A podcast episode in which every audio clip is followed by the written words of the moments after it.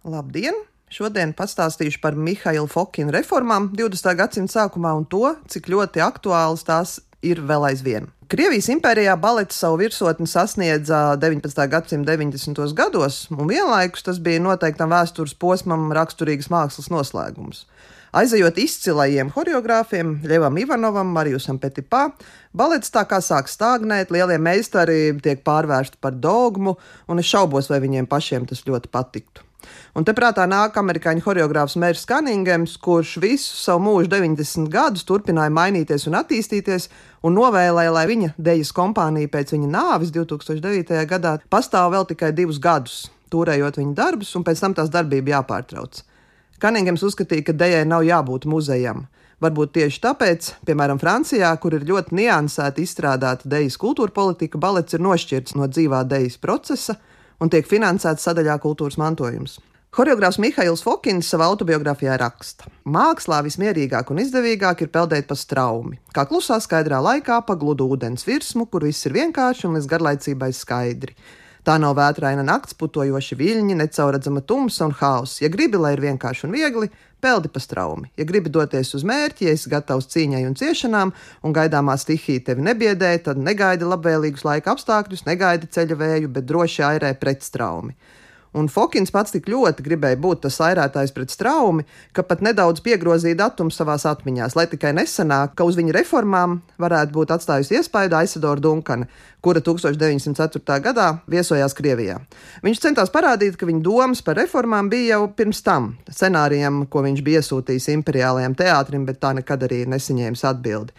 Bet vienlaikus atceroties savu pirmo baletu Akīts un Galateja, kas bija 2005. gadā, Fokins atzīst, ka līdz tam viņam pat nebija prātā nācis, ka viņam varētu būt kāda choreogrāfa dotuma. Un uh, slavu Fokinam atnesis Krievu sezonu iesizrādes Parīzē 1909. gadā. Strādājot ar ģegaļiem, viņš lielāko laika daļu arī dzīvo Francijā. Uz Krieviju brauc tikai atsevišķus pienākumus veikt imperiālajā teātrī. Un, lai arī viņas spilgtākā darbība ir diezgan īsa no 1907. līdz 14. gadam, viņa radītie darbi un paustās idejas par dejas mākslu varbūt šodien pat vēl būtiskāks nekā pirms simts gadiem. Un īsumā tās viņa idejas ir apkopotas eh, viņa vēstulē The London Times 14. gada 6. jūlijā, Un galvenās tēzes saistās ar to, ka katru reizi veidojot darbu, ir jāmeklē jauna kustības forma, kas atbilst tēmai, laikmetam un mūzikas raksturam, tā vietā, lai piedāvātu gatavas soļu kombinācijas. Fokins aicina atbrīvoties no konvencionālajiem kostīmiem un žestiem, un tehnikai ir jābūt līdzeklim, nevis mērķim.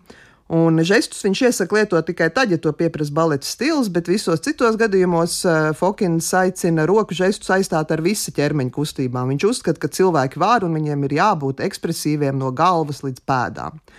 Arī par grupām viņš runā un saka, ka jaunais balets virzās ne tikai no sejas un roku izteiksmības uz visu ķermeņa ekspresiju, bet arī no individuāla ķermeņa uz dejošanas grupas izteiksmību.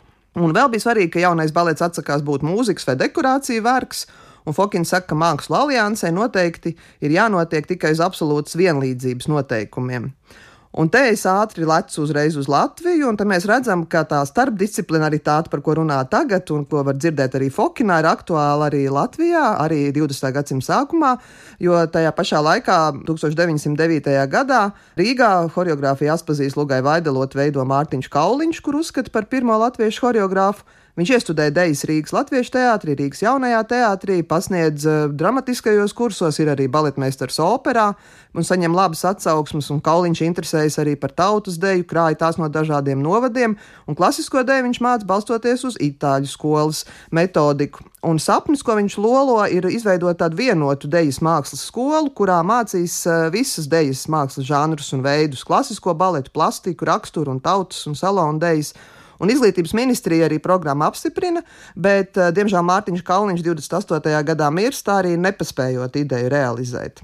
Un cits starpā arī 21. gadā šogad ir Latvijā choreogrāfi, kas uzskata, ka šāds modelis būtu vislabākais. Vispirms mācīt deju ļoti daudzveidīgi un specializēties tikai vidusskolā. Un būtu interesanti redzēt, kāda būtu Latvijas dejas vēsture, ja Kauliņam toreiz būtu izdevies, ja viņa skola kļūtu par pamatu profesionālu un daudzpusīgu dejotāju sagatavošanai. Tikmēr pie tā, pa kādu trajektoriju devās baleta māksla Latvijā, savu roku pielicis arī Mihails Fokins. Viņš 1925. gadā kopā ar sievu Veru Fokinu dejo Rīgā. Veru Fokinu dejo arī Sensants mirstošo gulbi.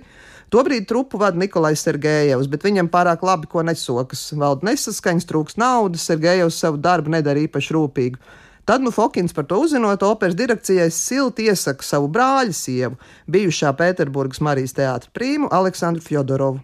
Un jau 25. gada augustā ar viņu tiek noslēgts līgums, un citējot baleta vēsturniecību biti, izrādās, sievietes ir daudz radošākas un galvenais izturīgākas. Fjodorovas personā Rīgas balets iegūs baletmeistaru, pedagoģi, repetītori, prima balerīnu, autoritāti, paraugu un elku.